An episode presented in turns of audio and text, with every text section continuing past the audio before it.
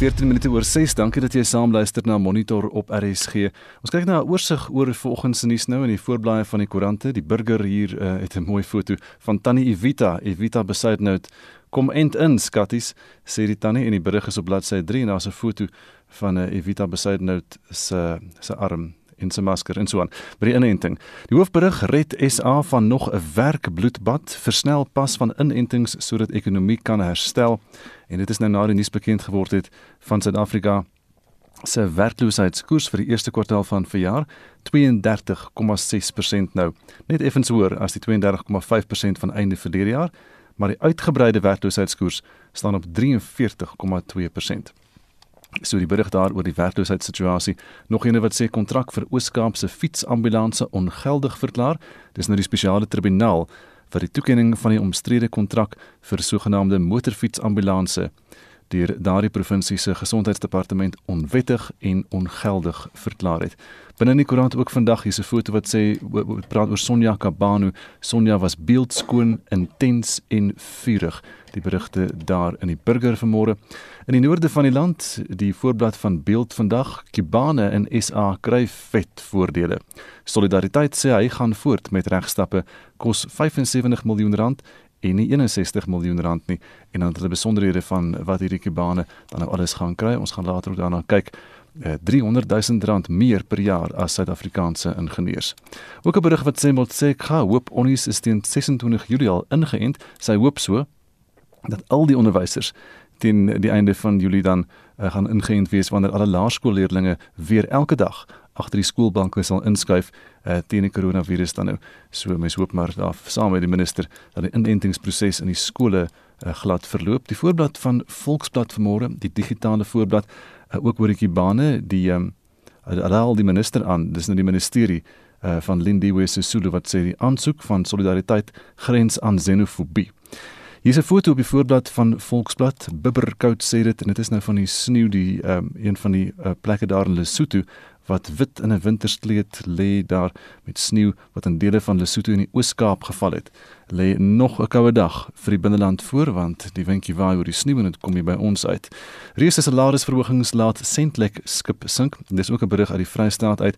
Sentlek is die kragverspreider van die Mangaung Metro in Bloemfontein. Uit 'n astronomiese salarisverhogings is die redes waarom die skip sink en dis wat die DA sê oor daardie 'n kragverskaffer daar in die Vrystaat.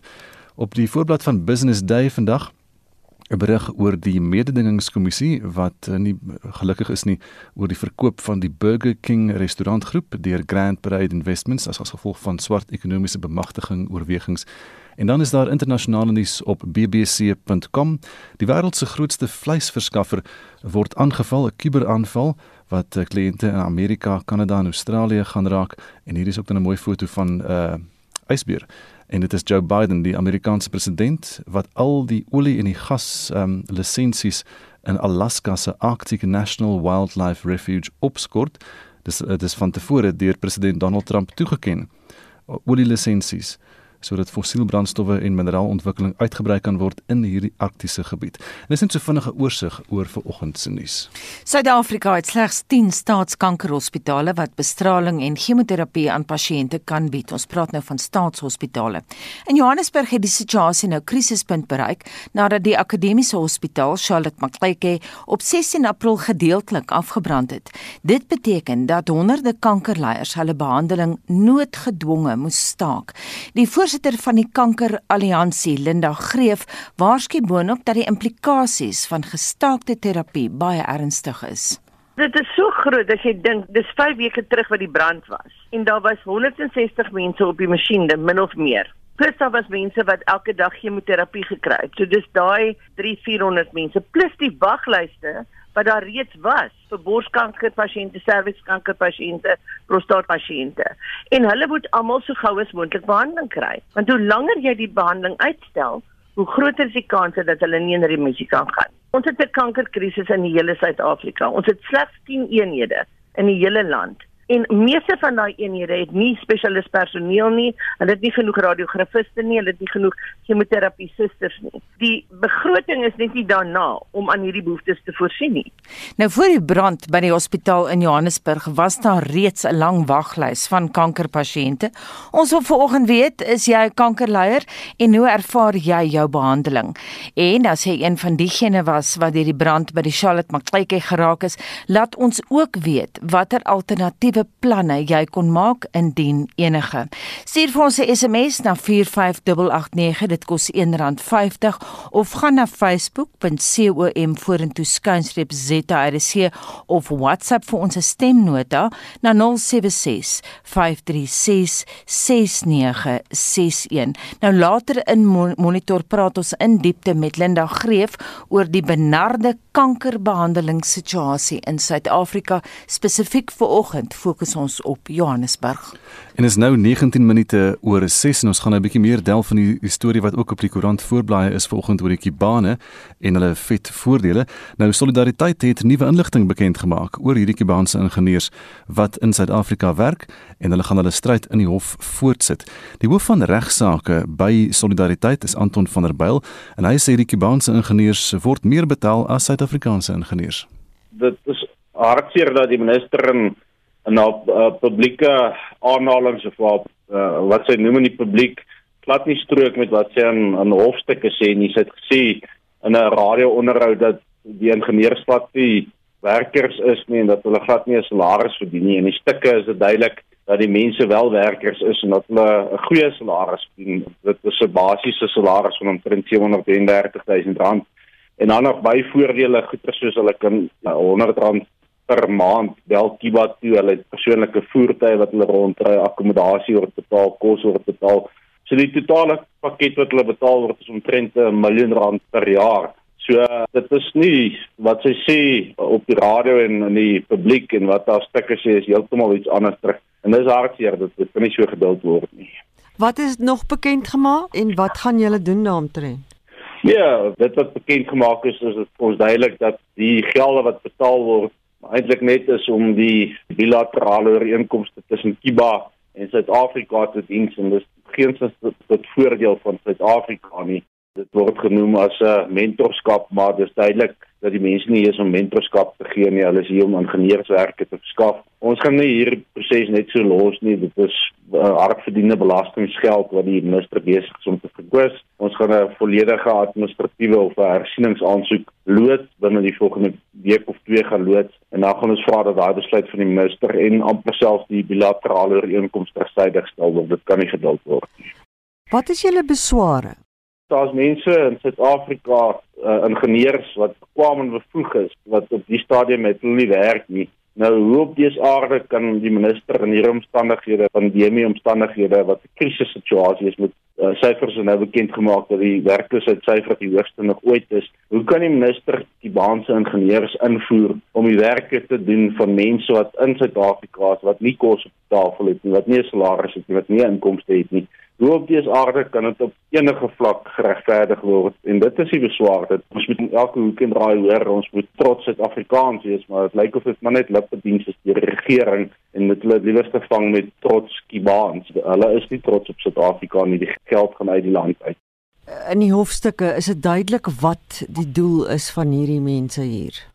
Ja, in die hofstukke is dit duidelik dat hulle tot groot mate ingenieurswerke skaf Die minister het gesê dis net hidroliese ingenieurswerke hoekom hulle ingekry is voor aangesien daar nie Suid-Afrikaanse hidroliese ingenieursspesialiste is nie. Maar in die stukke is dit duidelik dat daar meganiese ingenieurs is elektroniese ingenieurs wetenskaplikes is eh, wat ook oorgekom het. Dit lyk of dit tot groot mate ingenieurswerke is wat geskaaf word maar ook alles wat daarmee saamgaan. Nou, ek kan nie glo dat uh, daar nie Suid-Afrikaanse ingenieurs is wat dieselfde werk kan doen nie. Inteendeel ons het aan die minister 120 ingenieursname verskaf wat soortgelyke werk kan doen. Dis ook duidelik in die stukke dat sy nooit geadverteer het om Suid-Afrikaners uh, om te kyk of hulle betrokke kan raak by hierdie projekte nie. Dit was 'n summiere besluit deur die minister en deur die departement om die werke uit te gee aan Kiba. So ja, die stukke is duidelik, dit is maar net om Kiba gelukkig te hou. Wat is die totale uitgawe vir die departement met betrekking tot hierdie projek? Die minister sê nou stukke uh die totale begroting al vir 61 miljoen sit weer op radiostasie gesê dis 64 miljoen sit op 'n ander plek hier sê 65 miljoen. Maar dit lyk of die totale begroting vir die 3 jaar tydperk wat die ingenieurs in Suid-Afrika is meer hier na die 75 76 miljoen rand is. Uh, dit is nou as jy kyk na die salaris en die byvoordele soos wat ek sê uh, per ingenieur werk dit uit omtrent 'n miljoen rand per jaar wat hulle betaal word Nou kan jy belowe die ingenieur wat tydig sonder werk sit en wat nie kos op die tafel het nie sal vir 30000 rand 'n maand werk, want hulle net kan werk hier. Dit is 'n groot bedrag. Inteendeel, hulle word die ingenieurs, die baanse ingenieurs word meer betaal as die Suid-Afrikaanse ingenieurs in die departement self. Ja, dit is iets strook net ek ek, ek ek kan nie verstaan hoekom die minister so onverskillig besluit kan maak nie. So wat is die volgende stap? Volgende stap om 'n behoorlike hersieningsaansoek te loods vir die minister sê want die vraag ontstaan ook en daar's beweringe dat die Kubaanse ingenieurs word nie direk betaal nie. Lyk vir die of Kiba betaal word en dan betaal Kiba weer die ingenieurs. Nou groot vraag is wat word op die einde van die dag aan die ingenieurs betaal en wat word aan Kiba betaal? So daai vraag het ons nou nog nie antwoord op nie so ons gaan daai antwoord probeer kry en Tesame met dit gaan ons dan 'n volledige hersieningsaansoek loods waar ons dan die besluit van die minister sê dis irrasioneel en dit kan nie teruggaan nie. Glo jy dit sal suksesvol wees? Ons glo verseker so. Uh, hier is net in die belang van uh, ons solidariteit nie is in die belang van elke Suid-Afrikaner wat glo dat ja, ja ons hardverdiende geld nie verkwis moet word nie. So ek glo dat in die lig van uh, of dit reël regverdigbaar is en of dit wettig is dat daar 'n negatiewe antwoord op albei daai vrae gaan wees. Dit is nie moreel regverdigbaar nie, dit is nie wettig nie. So ja, ek glo ons sal uh, suksesvol wees. Anton, hoeveel ingenieurs is Kubaanse ingenieurs is volgens die hofstukke deel van die projek? Ja, dis eerstens ironies die minister of na skeie openbare geleenthede het sy gesê dat daar 24 ingenieurs is. Dit blyk nou die stukke dat daar 25 ingenieurs is en hierdie dis ook duidelik dat hier nie eerste is nie vir die afgelope omtrent 19 jaar is daar so bilaterale ooreenkomste waar daar die bane ingevoer word om sekere werke te verskaf. Die vorige ronde was ook omtrent vir so 3 jaar. Dit was al 35 ingenieurs wat die werk kom doen het. Lyk of dit so 25 is en ons het met 'n paar ingenieurs gepraat wat direk met die Kubaanse ingenieurs gewerk het En hulle sê die mense is net nie opgewasse vir die omstandighede nie. Hulle kan nie die taal praat nie, hulle verstaan nie die omstandighede nie en uh, op die einde van die dag moet die departement Suid-Afrikaanse ingenieurs kry om die werk van die Kubaanse ingenieurs te oorsien en te seker te maak dat alles reg is. So dis nog 'n dubbele uitgawe. Uh maar ja, dit lyk of daar so 25 ingenieurs is. Hoe lyk die deursnit van die Suid-Afrikaanse ingenieurs wat nie werk het nie? Is dit ouer mense, is dit jonger mense? Waarvan af kom hulle? Dit is 'n moeilike vraag om te antwoord. Uh, Daar's nie 'n diepte analise gedoen oor hoe lyk die standaard ingenieur wat nie werk het nie, maar wat ek wel kan sê is dat daar's onlangs 'n studie gedoen na die kos nou maar die gebruikskoers van ingenieurs in Suid-Afrika. Op stadium was daar 95% is ingenieurs gebruik in Suid-Afrika. So 95% van ingenieurs het werk gehad of hulle het sekere ingenieurswerke gehad wat hulle uh, moes doen. Dit lyk of daai persentasie nou maklik afgekom het na 85% en minder nie. So daar's verseker hierdie pandemie en die krisis het verseker uh, baie slegte invloed gehad op die ingenieurswese bedryf en uh, dis ook kan ek nie in dispuut geplaas word deur die departement nie. Dit het 'n uh, baie slegte uitwerking en soveel te meer is nou rede om te sê maar kom ons maak gebruik van ons eie mense kom ons sorg dat die geld in Suid-Afrika sirkuleer word tot voordeel van elke Suid-Afrikaner. En dis die stem daar van Anton van der Byl, hy is die hoof van regsaake by Solidariteit en hy het met Mitsi van der Merwe gepraat. Die staande komitee oor openbare rekeninge sal sy regsadviseurs raadpleeg om 'n raamwerk te vorm vir 'n ondersoek na sake by die Ontwikkelingsbank van Suid-Afrika. Die bank het voorskoor verskyn, maar beweringe ontken van bedrog, wanadministrasie en samespanning by die entiteit. Die aangeleentheid is ter tafel gelê deur die IDM-leier Bantolomisa wat verlede jaar 'n oop brief geskryf het waarin hy die beskuldigings van diep gewortelde korrupsie binne die bank uiteensit. Zelin Merrington doen verslag. Skoor het die Ontwikkelingsbank 'n kans gegee om die beweringe teen hulle te verduidelik. Volgens inligting wat Bantu Holomisa aan die komitee voorsien het, het die bank onder andere skuld van meer as 200 miljoen rand afgeskryf.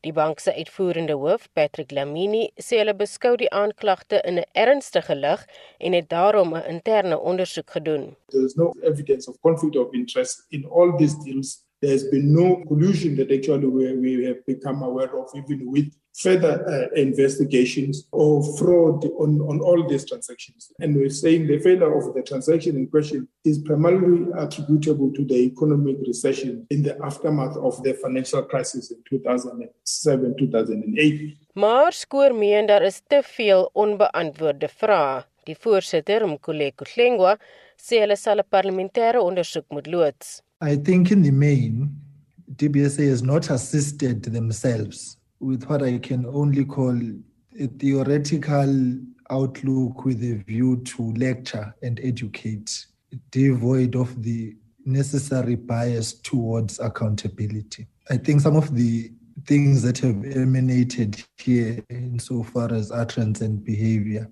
and conduct, have been totally unacceptable. So I think, uh, colleagues, we had met in November and we agreed on that day that we would be formulating the framework for an inquiry. I think that stands and we are justified having taken that decision judging by today. Die minister van Finansies, Tito Mboweni, aan wie die bank verantwoording doen, sê hulle sal hul volle samewerking gee. Thank you very much for affording the DBSA the opportunity to say their piece and uh, uh, for us to say uh, our piece. I think it's very important that the parliamentary structures hold these institutions and the executive accountable.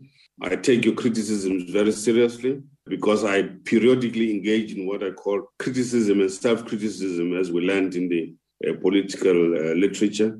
And I very much appreciate all you do. Dit was die minister van Finansies, Tito Mboweni, Zelin Merrington, Parlement.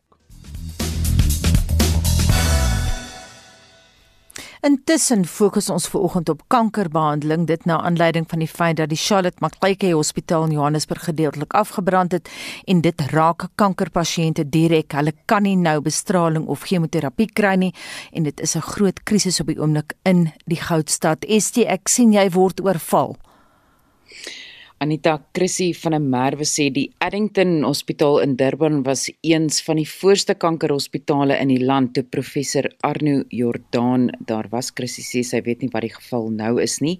En Caliban skryf dis darm tragies om aan ons staat se gesondheidsorg te dink. Dit was eens die beste en dan wil hulle nog die nasionale gesondheidstelsel instel. Gas is ons voorland so sê Callie. Bets Ferreira laat weet ek het 5 jaar gelede chemo en bestraling ontvang. Die dokter en personeel was ongelooflik ondersteunend. Ek is bevoorreg en het 'n goeie mediese fonds. Dit gaan nou goed met my. En Rex Bester sê dis moeilik vir my om namens hierdie brose kankerpasiënte te praat.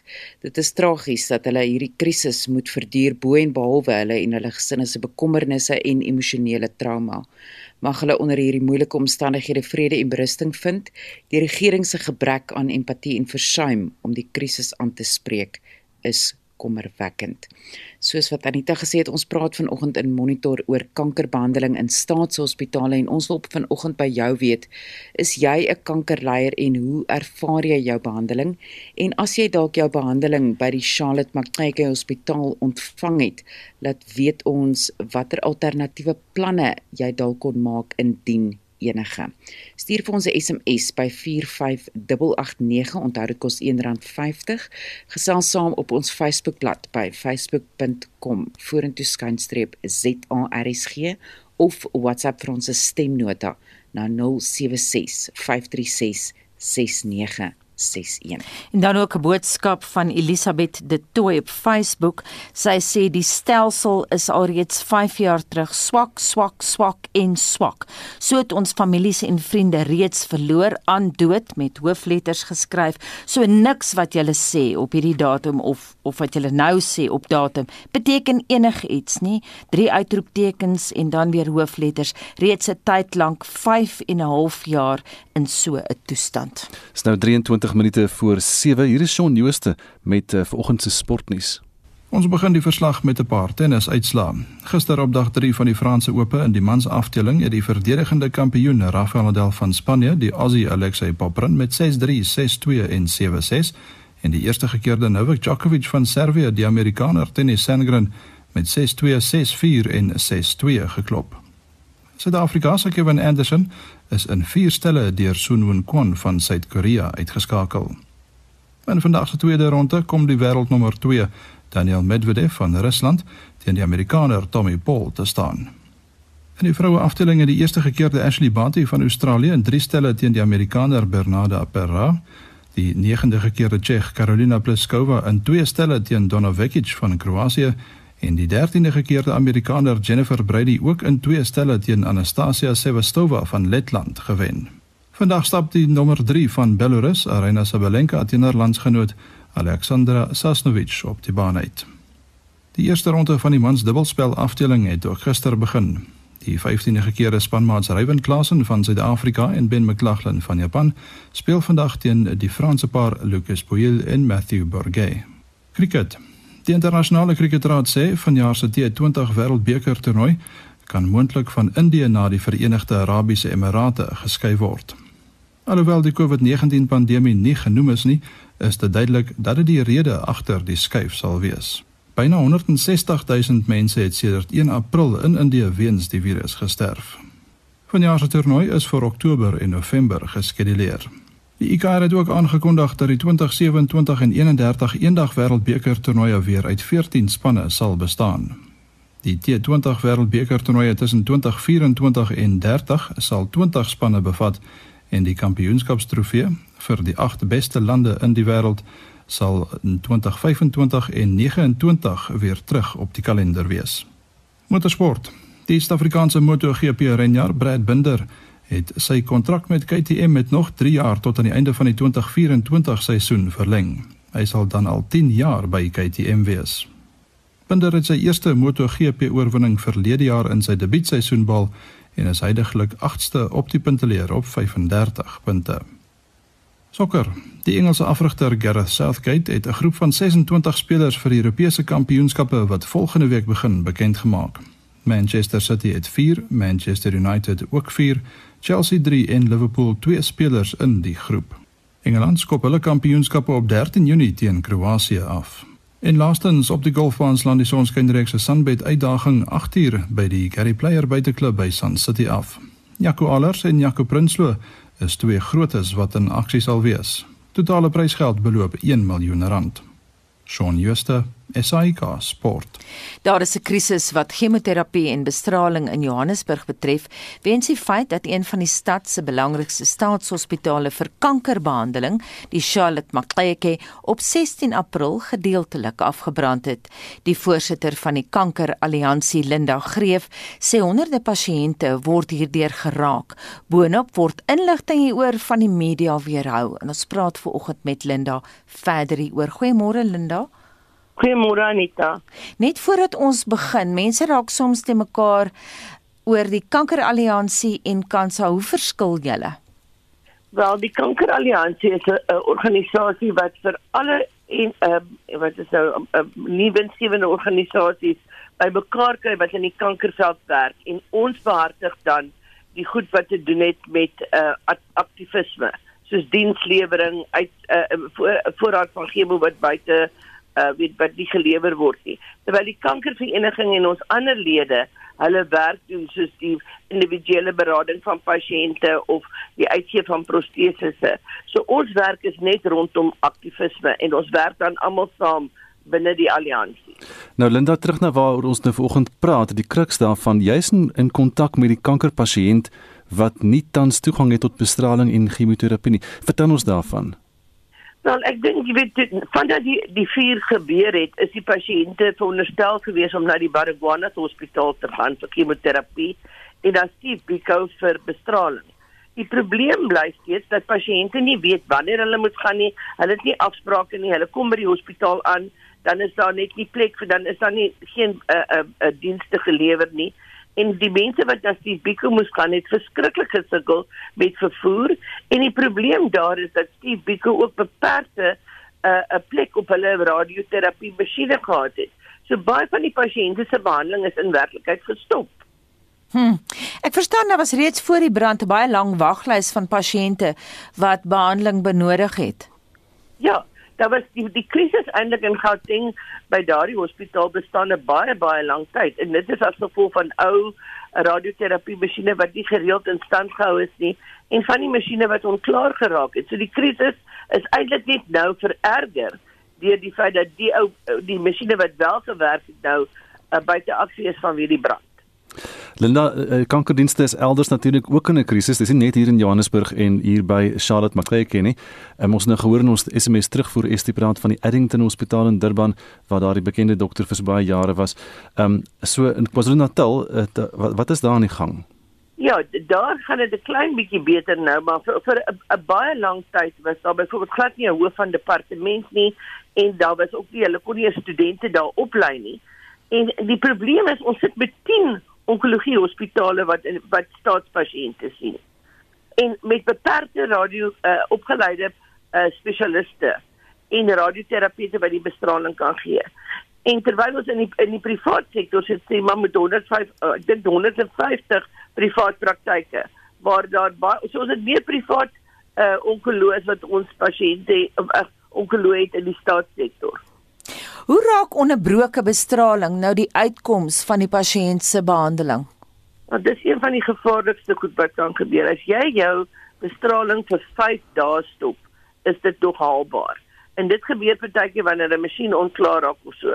Maar die oomblik wanneer jy bestraling vir langer as 5 dae stop, het dit 'n uh, radiobiologiese impak op die liggaam en kan dit die kanker se verspreiding aanwakker en selfs tweede kankers veroorsaak. So dit is 'n baie baie gevaarlike situasie. En baie van die pasiënte by Charlotte, okay, is 'n pasiënt is 'n is 'n is 'n se wagtyd is amper al uh 2 maande. Hm. Dit is baie gevaarlik. Hulle is hulle hulle is eintlik hulle loop 'n geweldige groot gevaar om om verder siekte te ontwikkel. En dan moet mens sê die kankerbehandeling is natuurlik vir niemand lekker nie. Dis moeilike behandeling, dis in sommige gevalle traumaties. Mense kan sit met brandwonde en blaase en so aan. En dit kan beteken nou jy deur daai hel is. Beteken dit ou alles niks want nou show terapie gestaak, noodgedwonge en dan moet jy ja. van voor af begin. Is dit reg? Ja. Lees ek dit reg? Dis reg. Op 'n kan jy nie eens van voor af begin nie want nou is jy so siek dat jou liggaam nie eintlik eers die bestraling kan hanteer nie. So dit is die gevaar en dis hoekom die ons uh, by die alliansie so baie klem lê op die belangrikheid van privaat uh uh staat uh uh, uh onderhandelings public private partnerships kan nou nie die Afrikaans mm, yeah. afvoer nie. PPP. Jy's om vir die pasiënte wat wat nou in die krisis is toegang te kan gee deur die beskikbaarheid van die privaat dienste en dat die staat dit moet aangaan en dat hulle verantwoordelikheid eties het om dit te doen en dat die private sektor aan boord moet kom om hulle pryse meer bekostigbaar te maak sodat die pasiënte hulle behandeling daar kan kry. En dis nou juist waarom ons jou nou wil vra van van die hulp wat gevra is om vir die private hospitale het self hulp aangebied. Ja, waar waar, waar, waar staan ons nou? Wel, dit die aanbieding is op die tafel, maar daar's nog niks geen aksie geneem om van hierdie dienste gebruik te maak nie. En ek hoor nou hulle maak nou weer die hospitaal oop. Uh, die die menseregte komitee was gister daar, maar die die hospitaal is nog nie reg om byvoorbeeld radioterapie te gee nie. So ons probleem, hulle gaan nie hospitaal oop, hulle sê nou die hospitaal is oop, maar dan gaan niks aan nie. Want dit is nie weer reg vir pasiënte om daar behandel te word nie. So ons wil nou baie druk plaas van die alliansie se kant af vir die opneem van daai uh, PPP's sodat pasiënte toegang kan kry so gou as moontlik. En as dit nodig is, gaan ons probeer om dit op 'n geregtelike manier te doen. Waarom word inligting van die media weerhou? Wel ek dink ek dink nie hulle wil deursigtig wees oor hoe groot die probleem is nie. En as jy met die bestuurders van die staat 'n uh, uh, departement praat of met die uh, uh, die uh, skakelpersoon, dan sê hulle net alles is onder beheer. Maar op die grond hoor ons elke dag stories pasiënte wat weggewys is wat by by uh, by Baragwanath kom wat nie weet waar om te gaan nie die noodlyn werk nie en baie baie mense is ontstel en pasiënte oor die feit dat hulle behandeling nie uh, kan voortgaan nie. Want vir hulle is gesê, julle moet gereeld kom vir julle behandeling, want as julle nie kom nie, gaan julle siek word. Nou word dit net gestop en hulle weet dis die gevolge. Maar ja. niemand praat met hulle nie. Nou ek weet Linda dat in Johannesburg het van die private hospitale het hulle hulp aangebied. Wat het toe daarvan geword? Nee, dit hang nog alles in die lug. Daar's nog geen finale besluit geneem om dit op te neem nie. En ek weet nie of dit is oor finansies of wat nie, maar die punt is, dit is 'n humanitêre krisis. Pasiënte wag, honderde pasiënte, nie net honderde nie, honderde wag vir behandeling. Daar's 'n waglys. En ons weet as jy 'n kankerpasiënt laat wag, vererger sy siekte. En die belangrikste venster van dienslewering waar daar remissie kan kom en genesing is dan verby. Dis erger as isidemie wat my betref. Hm. Wanneer voorsien jy kan dinge weer op dreef wees moontlik? Wel, die, ek het ek het met die departement so informeel gepraat en en hulle hoop om so weet dat as hulle net by die hospitaal kan kom dat hulle so gaan druk plaas op op byvoorbeeld om hulle masjiene weer aan die werk te kry. Maar die probleem is dat dit ook tekorte aan personeel. Jy weet so ons maak nie saak watter kant ons gaan nie. Ons het PPP's nodig vir minstens nog 6 maande om hierdie hospitaal deur hierdie krisisperiode te neem. Linda, jy het net nou baie vlugtig verwys na dat jy moontlike regsopsies oorweeg. Brei bietjie uit. Want ons is besig om te praat met die ehm um, met die met uh, die ehm um, daar's drie organisasies wat regsaksies neem binne gesondheidsomgewing. Die een is TAC ehm um, en dan die uh, die die die uh, ek vergeet nou 'n naam, dit is nou so vinnig op my. Mm -hmm. Maar in elk geval hulle is besig om te kyk na hoe ons uh, uh, die die staat uit dit kan dwing om ehm um, 'n uh, radikale aksie te neem in terme van die herstel van die dienste. Nou behalwe vir die regsopsies, as daar van ons luisteraars is vanoggend wat hulp nodig het in hierdie verband, kan hulle jou kontak. Ja, hulle kan enig een jy weet graag kontak en ons probeer dan hulle direk uh, met die departement in aanraking bring met iemand daar wat ons nou vasgestel het dat ons kan help om pasiënte te help om spoedig binne uh, een of ander raamwerk van hulp te kom. Gee gou vir ons 'n kontak uh, besonderhede of 'n kontaknommer waar mense jou kan kry? Hulle kan my skakel op 082 051 Het ek net daai nommer vir jou lees, maak seker hy's korrek Linda 082 551 Is dit korrek? Dis korrek, ja. Baie dankie. Ons sal daai nommer later vanoggend ook weer gee. Dit dan Linda Greef, voorsitter van die Kanker Alliansie. Dis 10 minute voor 7 uur by Monitor op RSG.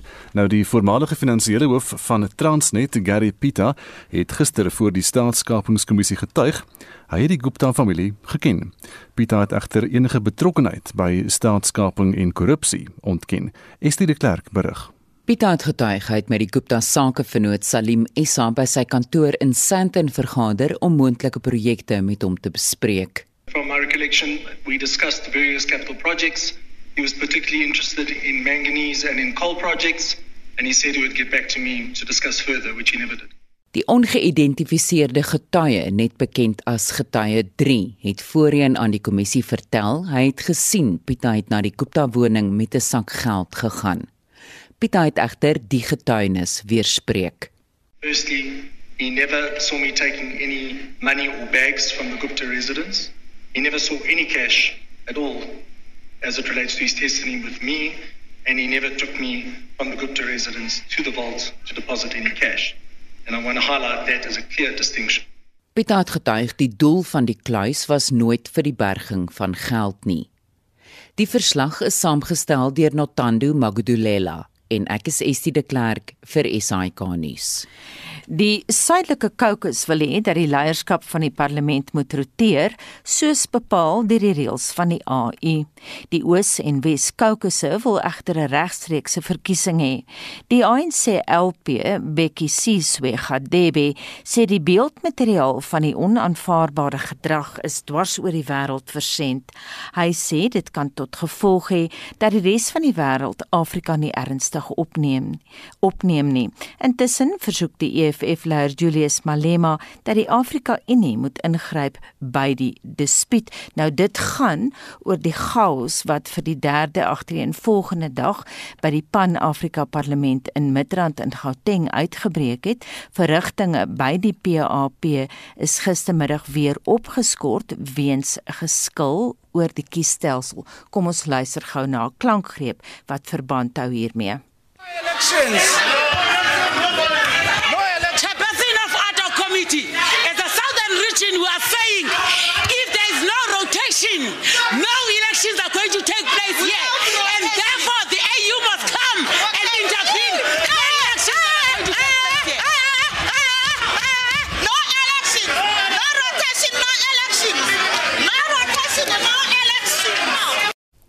En daardie klank kom dan vir uh, dis nou die derde agtereenvolgende dag wat die geskil daar by die Pan-Afrika Parlement in Midrand in Gauteng uitgebreek het. En dis hoekom ons gesê het die pap val op die grond.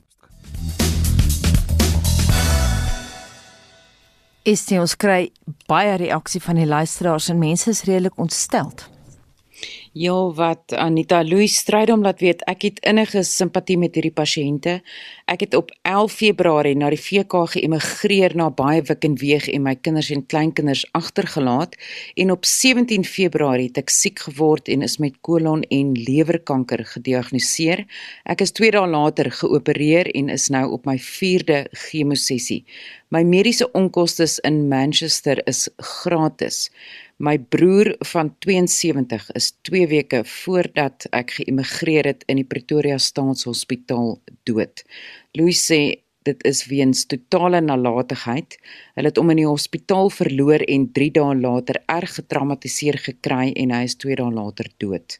En Louis sê al wat ek kan aanraai as jy kanker het en op die staat wag vir behandeling, gaan die alternatiewe roete. Maar Piet Nel van Jeffreys Bay sê ek het gedurende 2020 chemo en bestraling gekry by die Livingston Hospitaal in Port Elizabeth. Dankie aan my hemelse Vader, ek is skoon. As ook dankie vir die toegewyde toegewyde fantastiese personeel. Hulle diens was absoluut pyk. Ek dink nou aan die mense wat so moet sukkel. En dan sê Emje, ek het chemo by die Frere Hospitaal in Oos-London ontvang en gaan nog steeds vir ondersoeke daar. Hulle is pyk, beter diens. Ehm um, daar ek het beter diens daar ontvang as by enige ander privaat hospitaal waar ek al was. Laat weet vir ons wat is jou ondervinding van staatshospitale wanneer jy kankerbehandeling daar ontvang. Die parlementêre adhokkomitee vir die wysiging van artikel 25 van die grondwet wil nog 1 maand tyd hê om sy werk af te handel. Nou dit te midde van besware deur die politieke oppositie en 'n geveg tussen die DA en die EFF wat nie konsensus kan bereik oor drie kwessies in terme van hierdie wysigings nie. Bly ingeskakel vir daardie onderhoud na 10 oor 7. Maar vir nou eers is dit nuustyd.